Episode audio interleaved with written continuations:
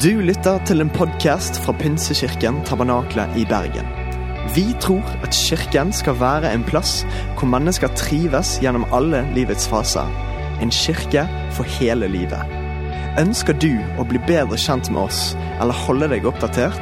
Besøk vår Facebook-side eller ptb.no. Her er ukens tale. Veldig kjekt å være her i Pinsekirken eh, Tabernakle. Det er jo eh, min barndoms barndomsmenighet. Og nå er det ca. ti år til jeg har vært like lenge medlem i den menigheten jeg går i nå, som jeg har vært medlem i denne. Så Tabernakle Bergen leder fortsatt. Det er alltid stas å være her. Jeg har jo ikke forkynt her på noen år nå, men jeg har jo mye med staben her å gjøre og med pastoren å gjøre i forhold til det som skjer i landet vårt og i misjonen. Eh, og jeg er veldig glad for muligheten til å forkynne her i dag eh, under tittelen 'Åndens folk'. Det blir bra. Og nå er det slik, eh, dere, nå ser spesielt på dere som er litt yngre Når jeg var her som, som barn, så visste vi aldri hvor lenge talerne kom til å tale. De brukte av og til ikke klokke, de brukte kalender, føltes det som. Så vi har vent oss til det at vi, vi, vi bruker Vi har i hvert fall et forslag over hvor lenge vi snakker. Så det går over eh, om en stund. Men hvis vi henger med de minuttene nå, så lover jeg at det skal være verdt det. Går det bra? Akkurat nå så har eh, de avsluttet gudstjenesten eh, borte der borte. Da er det altså datteren min. Hun går meg fullstendig i næringen eh, som pastor her. Hun var og forkynte på Osterøy i går, og så døpte hun fire ungdommer i dag. Og så er det moren hennes som leder gudstjenestene, så jeg er veldig glad for at jeg har noe å gjøre i dag. Tusen takk for det, Benjamin. Vi skal snakke om, om åndens folk, eh, og tittelen på det jeg skal snakke om her i dag, det er eh, 'Likt kjenner likt'. Og Det høres kanskje litt rart ut, men jeg skal pakke ut det på en god måte for deg eh, og forklare hva det betyr logisk å kjenne Gud, og om det er mulig for oss å kjenne Gud i den tiden vi lever i. Jeg liker definisjonen av folkebevegelsen Jesusfolket, som Steve Addison har, og den lyder slik. Det Jesus startet for 2000 år siden, det var en folkebevegelse av vanlige mennesker som eh, blir fylt av Den hellige ånd, og som gir Jesus videre til andre mennesker.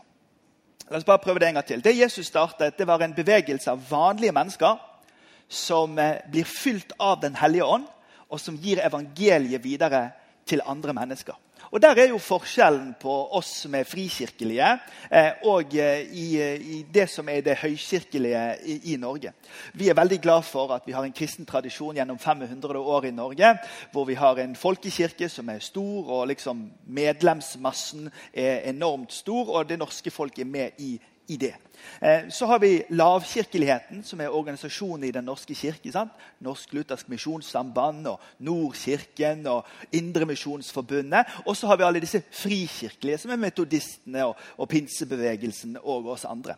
Vi som tilhører det lavkirkelige eller frikirkelige, vi er jo litt mer sånn vi har løver på gudstjeneste, på en måte.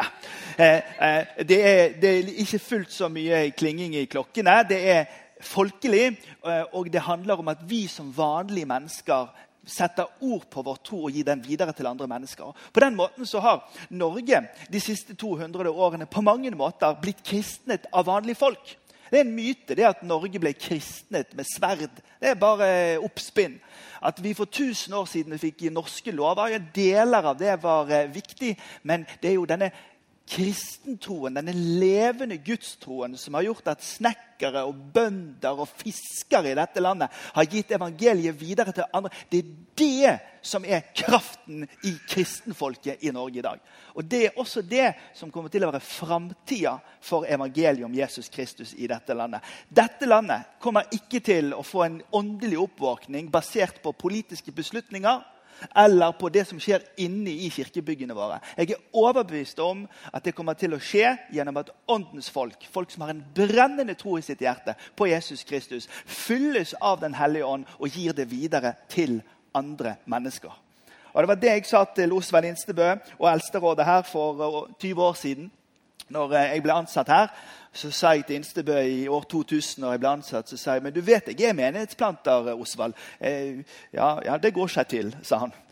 Ja, men altså, det, det slipper ikke. Jeg, jeg, vi trenger nå nye mennesker. For jeg vet jo det at oppi, oppi kristne fellesskap der heter de Kristing og Askeland og sånn. Og borte i Betlehem der heter de Sveen og sånn.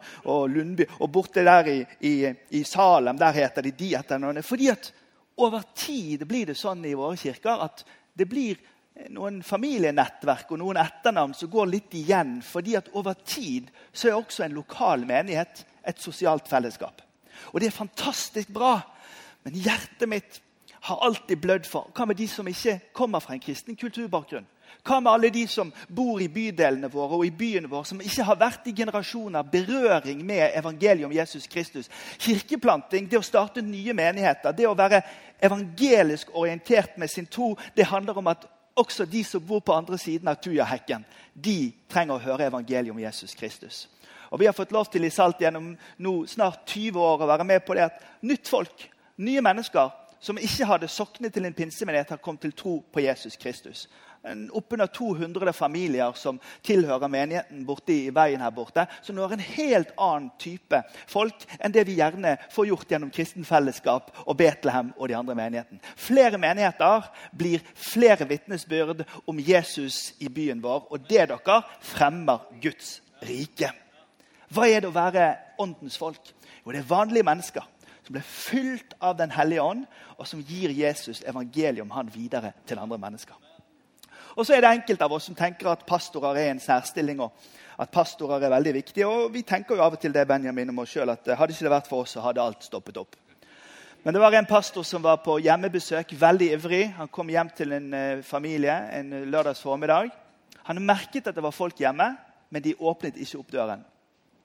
Så han ble litt frustrert, så han la igjen en liten lapp med påskriften og åpenbaringsboken 320. Og Neste dag så fikk han samme lappen tilbake igjen i offerkurven. Og Da var tilføyelsen første Mosebok 3.10. I Åpenbaringen 3.20 står det Se, jeg står for døren og banker. Hvis noen hører min røst og åpner døren, vil jeg komme inn til ham og holde natta med ham og ham med meg. Men tilføyelsen i første Mosebok 3.10 lyder Jeg hørte stemmen din i hagen, men jeg ble redd, for jeg var naken og gjemte meg.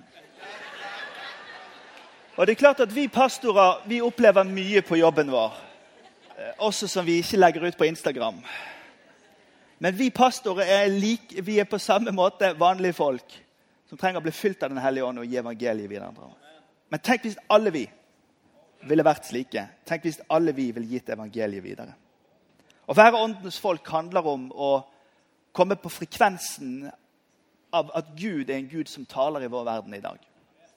At Gud er en Gud som faktisk taler til oss og gir oss meldinger på innsida. Gjør evangeliet klart for oss. Og vi skal snakke om det i dag. Hvordan kan vi bli enda bedre kjent med Han, og hvordan kan vi bli forvandlet av Hans ånd? Vi er jo vant til i Norge å høre på eksperter. Hvis det er et eller annet som skjer i Russland, så er det han, Russlands eksperten som skal uttale seg. Hvis det er snakk om rentene, så er, det, eh, så er det en eller annen bankekspert. Hvis det er snakk om boligprisene, så er det Ola Grytten på Handelshøyskolen. Eh, det er bare sånn hver eneste gang. Hvis det er noe om psykologi, eller noe sånt, så er det den spesialisten. Vi lever i en kultur hvor vi er vant til at det er eksperten som skal få lov til å uttale seg om det som er viktig. Og så er det sånn at Gud han eh, har skapt oss mennesker. Og Gud er en treenig Gud som har gjort oss til den som vi er. Og Gud sier om seg selv i Jesaja 44, 6. Jeg er den første, og jeg er den siste. Det finnes ingen annen Gud enn meg. Jesus han eh, gjentar når han eh, har gjort sin tjeneste i Johannes kapittel 10, vers 30, så sier han, 'Jeg og Faderen er ett'. Gud er den usynlige Gud. Jesus er synliggjøringen i kjøtt og blod av den usynlige Gud. Faderen og Sønnen er ett. Det vil si at Når du leser evangeliene om Jesus Kristus, hva leser du da? Jo, du leser om det Jesus sa, og det Jesus gjorde. Hvem er Gud? Jo, Gud er Summen av det han sier, og det han gjør. Gud er eksperten på å være Gud. Like fullt så hører vi folk si, spesielt rett før jul Gud for meg er Min kristentro, den er slik.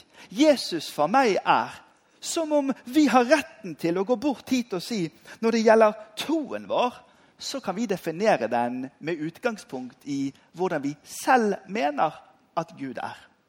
Og På den måten så skaper vi en Gud i vårt eget bilde fordi vi tillater oss selv å mene at Gud for meg, tro for meg, Jesus for meg, det defineres på denne måten. Mens egentlig så er det vel slik at Gud er den første og den siste. Det finnes ingen annen Gud enn Gud selv.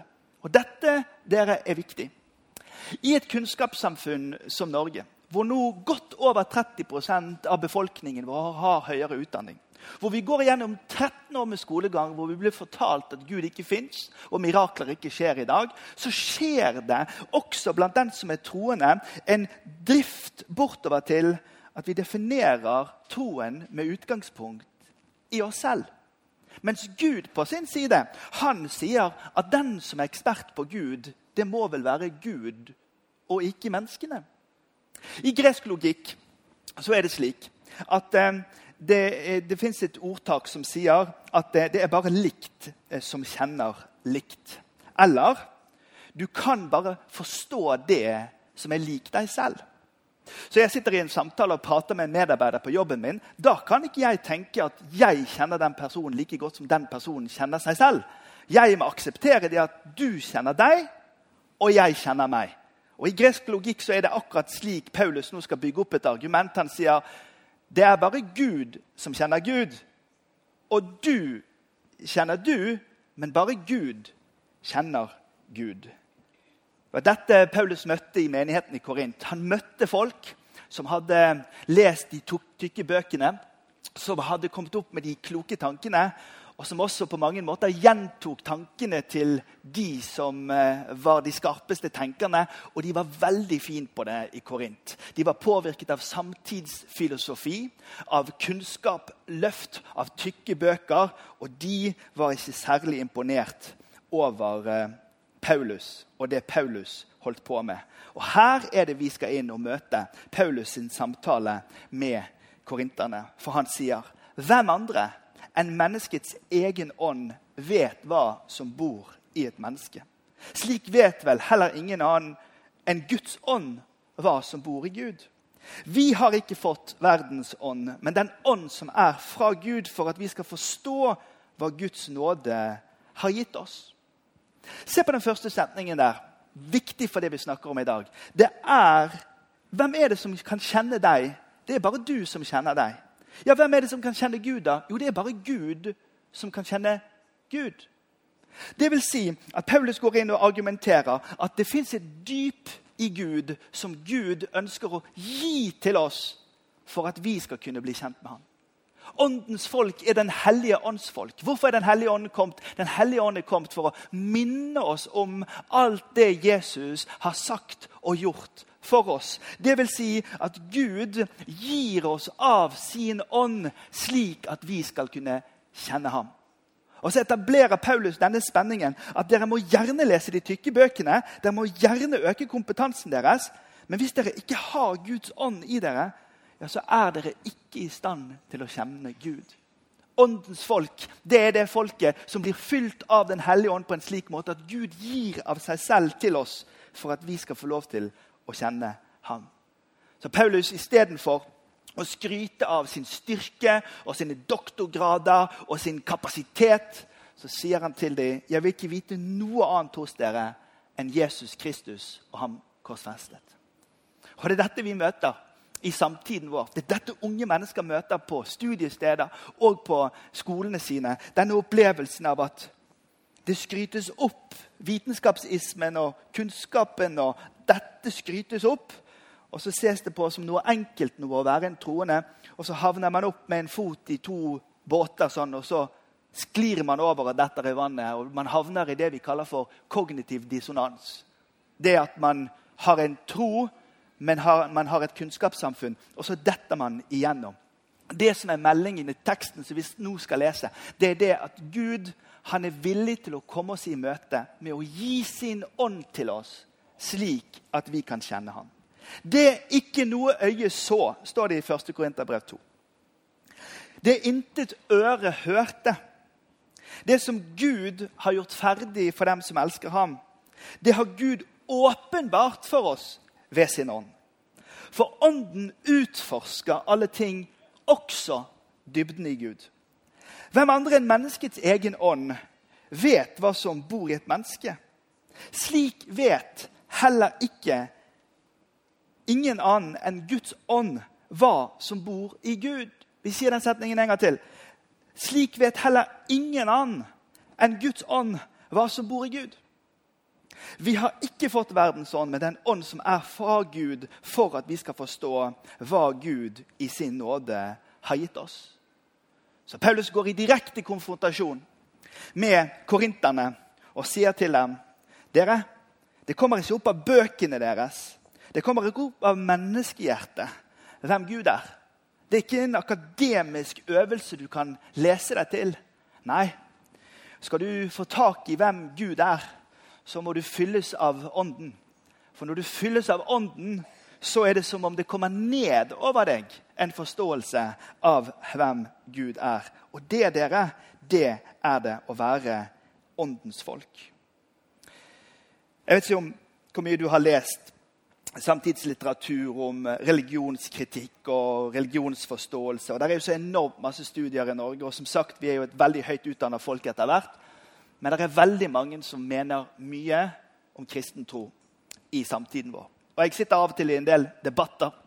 Jeg var på en debatt på Litteraturhuset her borte med en eh, dame som representerte en eh, muslimsk organisasjon Eh, og eh, frontene var ganske tydelige om liksom, politisk makt og kirkens makt. Og sånn. Og jeg sa jeg, jeg må bare si at jeg, jeg, vet ikke helt hva du snakker om. sa Jeg Jeg vokste opp i en frikirkelig tradisjon hvor eh, engasjementet i kirken var basert på at folk ville det.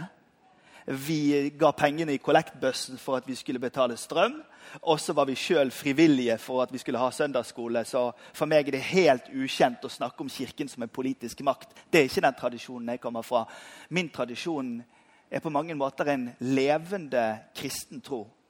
Hvor fordi det brenner i hjertet, engasjerer vi oss. Og så står hun og stirrer på meg hun, på Litteraturhuset her og så sier hun, levende kristen. Det er et begrep jeg aldri har hørt før. Å være åndens folk, det er som eh, en av våre oldkirkelige fedre fra Spania sier, det er at kjærlighetens flamme begynner å brenne i våre hjerter. Å bli fylt av Ånden det er som om det blir varmt her inne på en slik måte at Gud hjelper oss å bli kjent med Han. Men jeg møter allikevel at akkurat nå, i den tiden vi lever i, så er det en dalende forståelse av dette, og så er det dessverre en økende forståelse av dette her borte. Dette at Med utgangspunkt i mine tanker, med utgangspunkt i min forståelse, skal det dannes et bilde av Gud. Jeg tror det er En av de største feilene vi gjør med den generasjonen som i dag vokser opp, på alle områder, det er at vi lærer en ungdomsgenerasjon opp til å ha en enormt stor tillit til tankene de sjøl tenker i sitt eget hode. Søren Kirkegården sier det at der hvor det er mange valg, er det mye angst. Og En av grunnene til at vi har så mye angst og usikkerhet i den kulturen vår, det er at for mye av valgene som er opplagte, de legges på skuldrene til de menneskene som skal finne ut av, av livene sine. Derfor så sier jeg til unge mennesker i dag, og jeg sier det hjem til dere her i dag også, ikke stol på alt du tenker. Og ikke tro på alt du tenker. For du kan få opp en hel masse opp herifra. Men saken er den at når du blir fylt av Den hellige ånd, så faller veldig mye på plass. Det er ikke enkelt, men det er å komme på linje med Han som fyller oss med ånden sin for at vi skal forstå forskjellen på rett og galt. Det er en åndelig sannhet som skjer her borte. Jeg spør mine kollegaer fra Australia, og England og, og Amerika når vi treffer dem, så sier jeg, fortell om de norske studentene på bibelskolene deres. Så sier de norske studenter er i særstilling. Det er ingen som er så fantastisk som de norske, for de har så gode hjerter. Men vet du hva? det er ingen som har flere spørsmål enn de norske. De norske studentene de spør om alt mulig. Du har 13 år med skolegang hvor det blir fortalt at Gud er død. Og så har du en kirke som forsøker å synge noen lovsanger, ofte på utenlandsk også som forsøker å få deg til å gripe greiene. Men så blir du stående i den dissonansen mellom disse to tingene. Det er der Paulus er i Korint denne dagen. Han er med dem i det at de tror de kan finne Gud gjennom boken. Men han sier dere må bli fylt av Ånden, for det er bare likt som kjenner likt. Gud må fylle dere med sin ånd. Så tar han av seg sjøl og gjør seg sjøl kjent for dere. I Eden så blir vi fortalt, svart på hvitt, at hvis vi spiser kunnskapens tre, så skal vi dø, står det. Og Da er ikke det kroppen som skal dø i eden. Men Gud er tre og samtidig én. Men tre av kunnskap om godt og ondt skal dere ikke ete, for på den dagen dere eter det, skal dere sannelig dø, står det. Hva er det som skal dø? Jo, det som dør, det er den livspusten som Gud har blåst inn i mennesket. Så vi går her i denne fantastiske byen vår, og vi er oppreist hele gjengen. Kroppen vår går på sats. Tanken vår går til ingeniører, jobben vår. Men Ola og Karis ånd, vi må be til Gud om at Gud fyller oss, føder oss på nytt igjen, og vi får leve her inne. Det er ikke rart dere, at i en kultur som vår, hvor det åndelige fattigdommen er så stor som den er, at vi får en samtidskultur som er bare opptatt av kroppen. Alle disse bildene som vi skal forholde oss til og sammenligne oss med, som dukker opp på disse skjermene våre. Vi har en kultur hvor biomassen lever, men ånden er død. Det er ikke rart vi har en kultur hvor tankens kraft blir det viktigste. Sjelens univers blir det viktigste fordi vi vektlegger kompetanse og kunnskap og innsikt. Derfor så sier jeg at den som er en kristen i 2023, har et fortrinn overfor dem som ikke er troende. Nettopp fordi at vi har fått blitt fylt av den levende Guds ånd. Så kjære venn, slutt å tenke at du er med på et lag som er dårligere, som er svakere, eller som ikke helt har skjønt det. Jeg må jobbe med meg sjøl noen ganger for å, for å, ikke bli for arrogant på vegne av kristenfolket. For det er jo Guds folk som har grepet. At når den levende Gud får begynne å leve her, da blir jeg et levende menneske. Jeg tror at vi skal få lov til å være åndens folk med frimodighet i den tiden vi lever i. I en tid av åndsfattigdom og utfordringer så er evangeliet om Jesus Kristus fortsatt Guds kraft til frelse. Se over avisene dine, se over de sosiale mediene. Hva er det grådigheten gjør med oss som mennesker? Jo, folk i vårt samfunn utnyttes. Hva er det sjalusi gjør for noe? Jo, vi blir full av konkurranse, og vi blir stygge med hverandre. Hva er det som lyst gjør? Jo, lyst gjør at vi tar oss til rette overfor de menneskene som er rundt oss. Det er uklarhet og støy overalt i samfunnet vårt.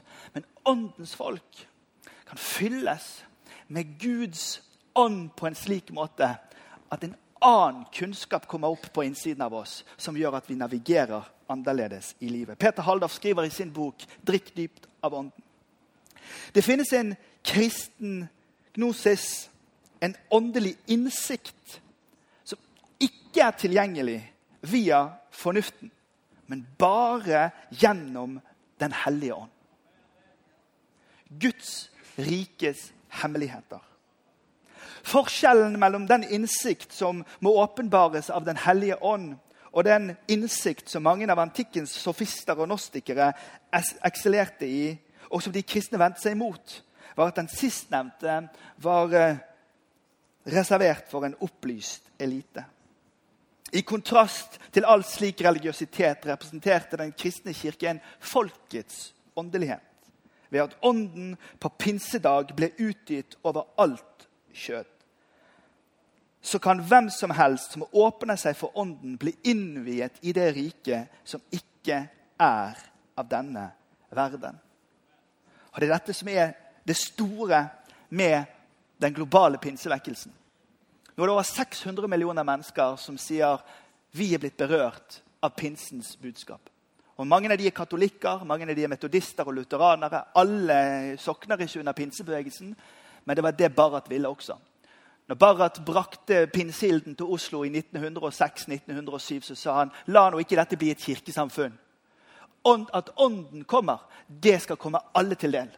Det er alt Guds folk som skal bli fylt av Den hellige ånd. 170 millioner katolikker er pinsekarismatisk orienterte. Det er fantastisk det Guds ånd gjør i verden. Vet du, Sosiologisk sett er det ingen fornyelsesbevegelse som kan sammenligne seg med den kraften som pinsevekkelsen har brakt til denne planeten de siste 120 år. Det er ute av enhver proporsjon i historien. Det er den største religiøse vekkelsen noen gang på så kort tid. Hva er det som skjer for noe? Gud gjør det. Gud gjør det slik at når vi ser på bildene fra Azusa Street-vekkelsen, så ser vi svarte og hvite. Vi ser kvinner og menn. Vi ser fattige og rike. Vi ser folk fra Syd-Amerika og folk fra eh, Karibien. Vi ser folk fra Europa. Og Gud, hva gjør han for noe? Jo, det Gud gjør, det er det at han lander sin ånd hos alle mennesker, uavhengig av hvordan sosial status eller etnisk opprinnelse vi har. Det er en radikal melding til oss om forsoning i verden. Åndens folk skal kjennetegnes av at vi tenker godt om, sier godt om, inkluderer og løfter opp alle mennesker, uansett hvor de kommer fra. Derfor så Når jeg skal preke på internasjonal gudstjeneste her klokka to, så vet jeg jeg kommer til å treffe au pairer fra Filippinene og så kommer jeg til å treffe doktorgradsstipendiater fra Botswana. Jeg vet det. Men begge sitter ved siden av hverandre i det samme rommet. Hvorfor det? Jo, fordi når vi er åndens folk, så er det ikke denne elitistiske tanken om at det skal komme opp i meg hvem Gud er. Nei, snarere så skal jeg få lov til å komme bort hit og så skal jeg få lov til å kjenne på Kristi hjertelag at evangeliet er her for oss alle. Dere evangeliet om Jesus Kristus det er et evangelium som forvandler mennesker sine liv og forvandler samfunn. Og De siste hundre årene i Norge så har vi hatt på mange måter en, en, en voldsom vekst. Men det er folk i dette rommet som er gamle nok til å vite det, at det så faktisk litt annerledes ut på 60-tallet enn det gjør eh, i dag. Det er ikke fullt så mange i ungdomsflokkene og det er ikke fullt så mange som har lyst til å bli pastor og, og leder eh, nå som før. Men det kommer til å komme et comeback. Det kommer til å komme et comeback fordi at eh, han han er herre over historien, og han kommer til å gjøre det som han gjør. Jeg sa det til noen før gudstjenesten her, at På 60-tallet var det ingen som skulle bli prest i Norge. Det var tomt på utsiden av eh, Menighetsfakultetet og Misjonshøgskolen i Stavanger. Folk ville ikke bli prest. Det var skikkelig dalende på 60-tallet. Hva gjorde Gud? Han sendte den karismatiske fornyelsen. Og Plutselig var det kø på utsiden igjen. I disse dager pensjoneres den generasjonen av prester. Og køen er ikke stor i dag heller. Og jeg som ser over alle tallene over hvem vi har til å jobbe der, og hvor mange misjonærer vi har ute, og sånn som det, jeg bare tenker det var bedre før. Men derfor så trenger vi bare som åndens folk å bli desperate på det. Og flytte oss overfra. Vi kan ikke strategere oss til det. Vi kan ikke tenke oss til det. Vi kan ikke lage Gud i vårt bilde. Vi er nødt til å bli med bort hit og si, 'Kom, Hellig Ånd'. Forvandle du oss. La oss komme på frekvensen av det du har tenkt. Og Det er det Paulus gjør i Romerbrevet. Fra kapittel 1 til slutten av kapittel 11 så legger han ut troslæren, og så sier han i begynnelsen av kapittel 12. Derfor formaner jeg dere ved Guds barmhjertighet, søsken. Bær kroppen fram som et levende og hellig offer til glede for Gud. Det skal være deres åndelige gudstjeneste. Og så innrett dere nå ikke etter den nåværende verden. Ikke pass ikke, ikke tilpass dere den kulturen dere lever i, men, men la dere forvandle ved at sinnet deres fornyes. Så at dere kan dømme hva som er Guds vilje, det gode, det som er til glede for Gud, det fullkomne. Paulus bruker elleve kapittel på troslæren, og så hiver han inn dette lille ordet 'derfor'. Og så sier han 'lev derfor slik'. Og Det han sier, er at i kontrast til de døde dyrene som ble ofret i tempelet i Jerusalem, så skal dere få lov til å leve oppreist med Kristus som levende mennesker. Som kirkefaderen Ignatus sa, der hvor den levende Gud er, fins der et levende menneske. Den levende Gud gjør levende mennesker. Han forvandler oss i tankene våre, så at vi tenker annerledes. Dette ordet 'forvandling' dere, det er noe annet enn forandring. Forandring det er det meg og Benjamin gjør når vi er på helsestudio og løfter vekter. Da er det vi som skaper forandringen og blir litt sunnere. Be for oss. Eh, og så forvandling Hør nå. Forvandling det er noe Gud gjør når vi utsetter oss for Han. Altså forandring skaper jeg. Forvandling skaper Han. Åndens folk utsetter seg for Herrens nærvær i bønn og i bibellesning og i åndsliv. Jeg hadde besøk av en journalist som skulle skrive en artikkel om oss. Og så sa hun til meg eh, Det var mye unge mennesker der. Og så sa hun Adle er så pene.